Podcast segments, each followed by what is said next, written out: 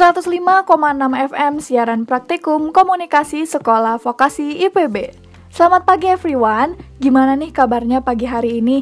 Seneng banget, aku Dican bisa kembali hadir menemani pagi everyone di rumah maupun di perjalanan kantor. Di mana lagi kalau bukan di Heroin Radio, teman baiknya wanita aktif, ekspresif, dan kreatif dalam program Breakfast Partner Teman Baik Sarapanmu, siaran praktikum Sekolah Vokasi IPB.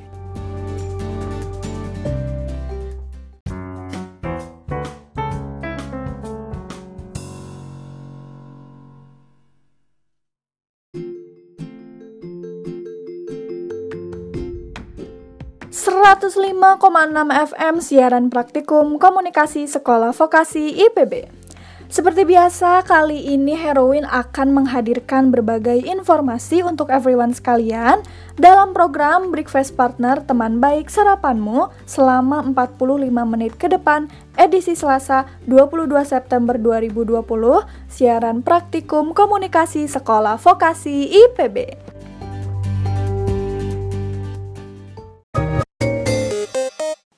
Tapi sebelum itu, aku mau ngucapin selamat datang untuk everyone yang baru bergabung, baru mengenal Heroin Radio dari event kemarin online charity concert karena dilihat-lihat nih, followers Instagram Heroin naik cukup signifikan. Buat yang bertanya-tanya Heroin Radio itu apa? Heroin di sini bukan salah satu jenis narkotika ya. Heroin di sini diambil dari bahasa Inggris yang berarti pahlawan wanita atau sosok wanita Indonesia kuat dan mandiri yaitu Sri Kandi. So, ini adalah radionya para wanita yang menjadi pahlawan bagi anak-anaknya, keluarganya, orang tuanya, dan juga wanita yang mau jadi bermanfaat untuk lingkungannya. Ngomong-ngomong nih everyone, kalian sekarang-sekarang udah mulai lagi buat nongkrong belum sih? Atau kayak sekedar makan di luar gitu? Karena nih, ada hal yang cukup bikin harus ekstra hati-hati selama pandemi ini ya sebelumnya hati-hati dan sekarang lebih lebih dan ekstra hati-hati. Karena sekarang dikenal istilah klaster rumah makan selama COVID-19. Apa sih klaster rumah makan itu?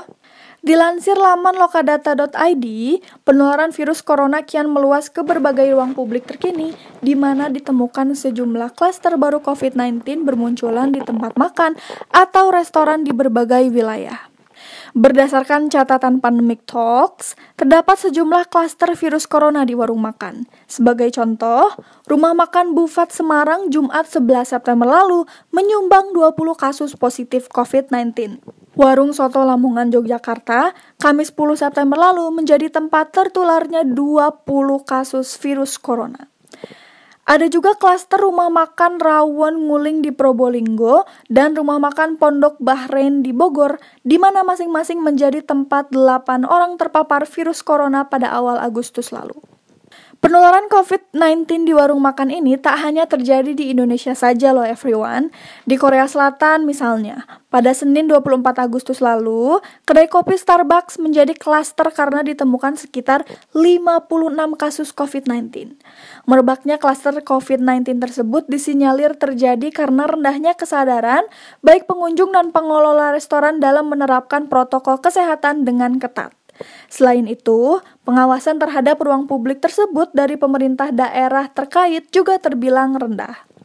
Kalangan pengusaha mengatakan apabila ditemukan kasus COVID-19 di rumah makan atau restoran, maka kondisinya akan semakin berat bagi keberlangsungan usaha mereka. Pasalnya, pendapatan mereka di masa kenormalan baru atau new normal ini belum pulih secara signifikan. Pusat Pengendalian dan Pencegahan Penyakit CDC Amerika Serikat dalam studinya menyebut orang dewasa yang terinfeksi COVID-19 rata-rata makan di restoran pada 14 hari terakhir. Berdasarkan laporan Organisasi Kesehatan Dunia atau WHO, per Rabu 9 September, positivity rate Indonesia dalam tiga pekan terakhir rata-rata mencapai 15 hingga 20 persen, sementara berdasarkan standar WHO, tingkat positivity rate maksimal 5 persen. Pada beberapa kasus klaster restoran, penyebaran virus corona disebabkan oleh kelalaian pengelola rumah makan yang tidak menerapkan protokol kesehatan dengan ketat. Misalnya, pembersihan alat makan, meja dan kursi, serta ruangan dengan disinfektan secara rutin, pengecekan kesehatan pegawai, hingga pembatasan jumlah pengunjung. Klaster COVID-19 berpotensi besar muncul di restoran yang memiliki ruang makan sempit. Selain itu, potensi penularan virus corona sedikit banyak dipengaruhi oleh kapasitas pengunjung. Di mana, jika resto dengan ruangan yang sempit, kemudian pihak dari restorannya membiarkan pelanggan masuk dan memenuhi ruangan tersebut, otomatis tidak bisa melakukan physical distancing dan beresiko terjadi penyebaran COVID-19.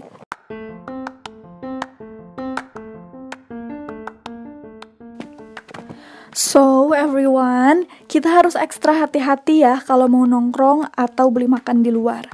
Harus dipastiin dulu tuh kebersihan dan kesterilan makanannya. By the way, everyone, sebenarnya suaraku lagi bindeng menuju flu nih. Biasa musim hujan, musimnya flu ya. Eh, tapi aku nggak khawatir sih, soalnya aku punya permen jahe sariwangi permen seribu manfaat. Permen ini warnanya coklat, rasanya manis asem dan bikin anget badan. Iyalah ya orang jahe. Juga kayak vitamin sehingga antioksidan alami, makanya permen ini bagus banget buat ngatasin mual di perjalanan, flu, batuk, sampai sakit tenggorokan. Gimana sih Chan cara dapetin permen ini? Everyone bisa beli langsung di pabrik utamanya Gang Karya Bakti 3 Kabupaten Sukabumi atau beli di Tokopedia dengan nama toko Permen Jahe Sariwangi dan dapetin promo beli satu gratis satu di Tokopedia. Biasa dengan Rp10.000 hanya dapetin satu pack permen dengan isi 50 piece per packnya. Everyone berkesempatan dapetin dua pack langsung dengan harga Rp10.000. Uh, buruan dibeli yuk, promonya terbatas bulan September aja loh. Untuk info lanjutnya bisa chat ke akun Tokopedia-nya ya everyone. Nah, untuk jeda aku akan menghadiahkan lagu Selimut Kota dari si cantik Vira Talisa. Check it out! Kelabu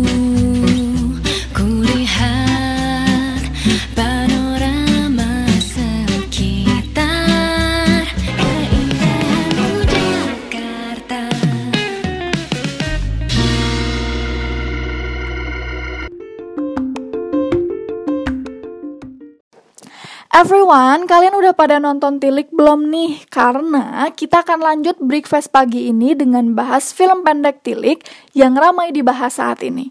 Yuk kita sama-sama lihat perlawanan mengenai stereotip perempuan Indonesia di film Tilik ini. Film pendek Tilik yang disutradarai oleh Wahyu Agung Prasetya telah menjadi perbincangan di media sosial Indonesia sejak diunggah ke YouTube pada 17 Agustus 2020. Tilik sudah ditonton lebih dari 16 juta kali dengan respon yang beragam dari para netizen. Tilik mengisahkan perjalanan sekelompok perempuan dari pedesaan yang menaiki truk bak terbuka untuk menjenguk ibu lurah yang dirawat di rumah sakit.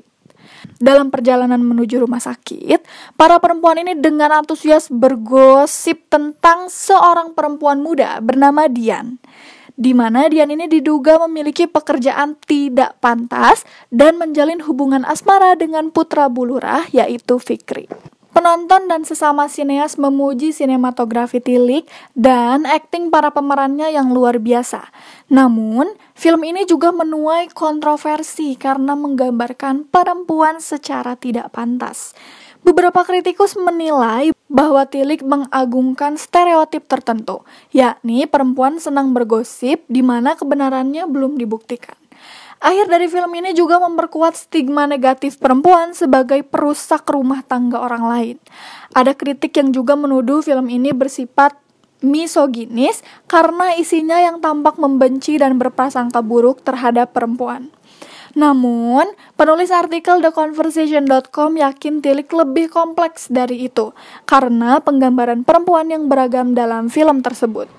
Everyone, yuk kita lihat dari sudut pandang yang berbeda. Jika melihat narasi tilik dan penggambaran berbagai karakter di film ini secara dekat, para perempuan mengambil panggung utama dalam film ini. Mulai dari Butejo yang terkenal kejam, hingga Dian yang misterius. Keberagaman ini menawarkan representasi perempuan yang bervariasi, sehingga tidak ada ruang untuk memunculkan stereotip perempuan yang kaku. Oleh karena itu, dapat dikatakan bahwa stereotip perempuan dalam film ini tidak ada. Di Indonesia, perempuan cenderung identik dengan peran domestik atau posisi yang terpinggirkan karena budaya patriarki masyarakat Indonesia yang masih kuat. Namun, Tilik berusaha untuk mematahkan stereotip tersebut dengan karakter Bulurah. Desa yang didiami para perempuan ini dipimpin oleh seorang perempuan. Bulurah tidak hanya digambarkan sebagai perempuan yang mampu memimpin desa, tapi juga sebagai pemimpin yang dicintai warganya. Karena mereka berinisiatif untuk mengunjungi Bulurah begitu mengetahui Bulurah sakit. Bahkan ya everyone, latar belakang Bulurah bertentangan dengan norma sosial yang konservatif. Hal ini karena Bulurah menjadi ibu tunggal yang hidup bersama putranya setelah bercerai dari suaminya Minto. Ini bertentangan dengan citra perempuan yang sering kali direpresentasikan oleh media arus utama sebagai pelengkap pasangan atau kerabat laki-laki mereka. Penggambaran kelompok perempuan yang tampaknya senang bergosip di tilik tidak bisa dianggap sebagai gambaran stereotip perempuan juga. Pasalnya, pengemudi truk laki-laki atau gotrek juga digambarkan dalam film ini sebagai sosok yang senang mendengarkan para perempuan tersebut bergosip sambil mengemudi. Pada adegan lain, gotrek juga mencoba untuk menguping salah satu pembicaraan telepon Artinya, laki-laki di dalam film ini juga direpresentasikan sebagai penyuka gosip. Di akhir film Tilik, terkuak bahwa ternyata Dian diketahui menjalin hubungan asmara dengan mantan suami Bulurah, bukan putranya. Banyak yang mengkritik bahwa hal ini memperkuat stereotip perempuan muda yang lajang sebagai perusak rumah tangga. Akan tetapi, jika dilihat dari sudut pandang yang berbeda, film ini menunjukkan bahwa Dian adalah seorang perempuan karir yang mandiri dan secara sadar memutuskan untuk menjalin hubungan dengan laki-laki yang lebih tua. Tilik diproduksi oleh Ravachana Films, sebuah rumah produksi yang berbasis di Yogyakarta dan didanai oleh Dinas Kebudayaan Yogyakarta. Tilik tayang perdana pada 2018 dan dianugerahi film pendek terbaik pada ajang Piala Maya pada tahun yang sama. Melalui berbagai macam rupa, karakter perempuan di film tersebut nyaris tidak menggunakan bahasa verbal dalam menyampaikan pesannya.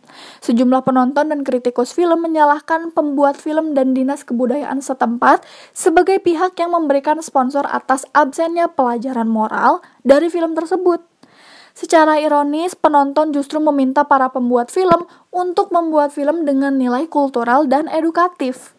Sebuah imbauan lama yang juga diperkenalkan rezim otoriter Orde Baru ketimbang memberikan kebebasan artistik kepada para pembuat film yang muda. Berikut mari kita dengarkan bersama Respect dari Aretha Franklin, lagu yang disebut sebagai Ultimate Female Anthem sejak dirilis tahun 1965. Lagu ini menjadi hits di tahun 1967 yang mendeklarasikan seorang perempuan kuat dan percaya diri, serta sadar bahwa dia memiliki hal-hal yang dibutuhkan pasangannya. Dia tidak pernah berbuat salah, jadi dia berhak atas rasa hormat dari laki-laki. Check it out.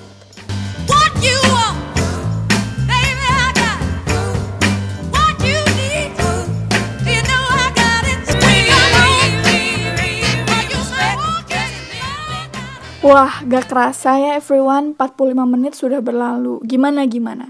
Seru ya hari ini? Kita bahas yang lagi rame-rame sekarang, yaitu kelas rumah makan dan ragam perspektif tilik. Oke deh, kalau gitu waktunya aku Dican pamit undur diri. Terima kasih sudah mendengarkan Heroin Radio dan Breakfast Partner teman baik sarapanmu edisi Selasa 22 September 2020. Siaran praktikum Komunikasi Sekolah Vokasi IPB. Terus dengerin Heroin Radio dan Breakfast Partner di jam yang sama ya everyone. Selamat beraktivitas dan sampai jumpa.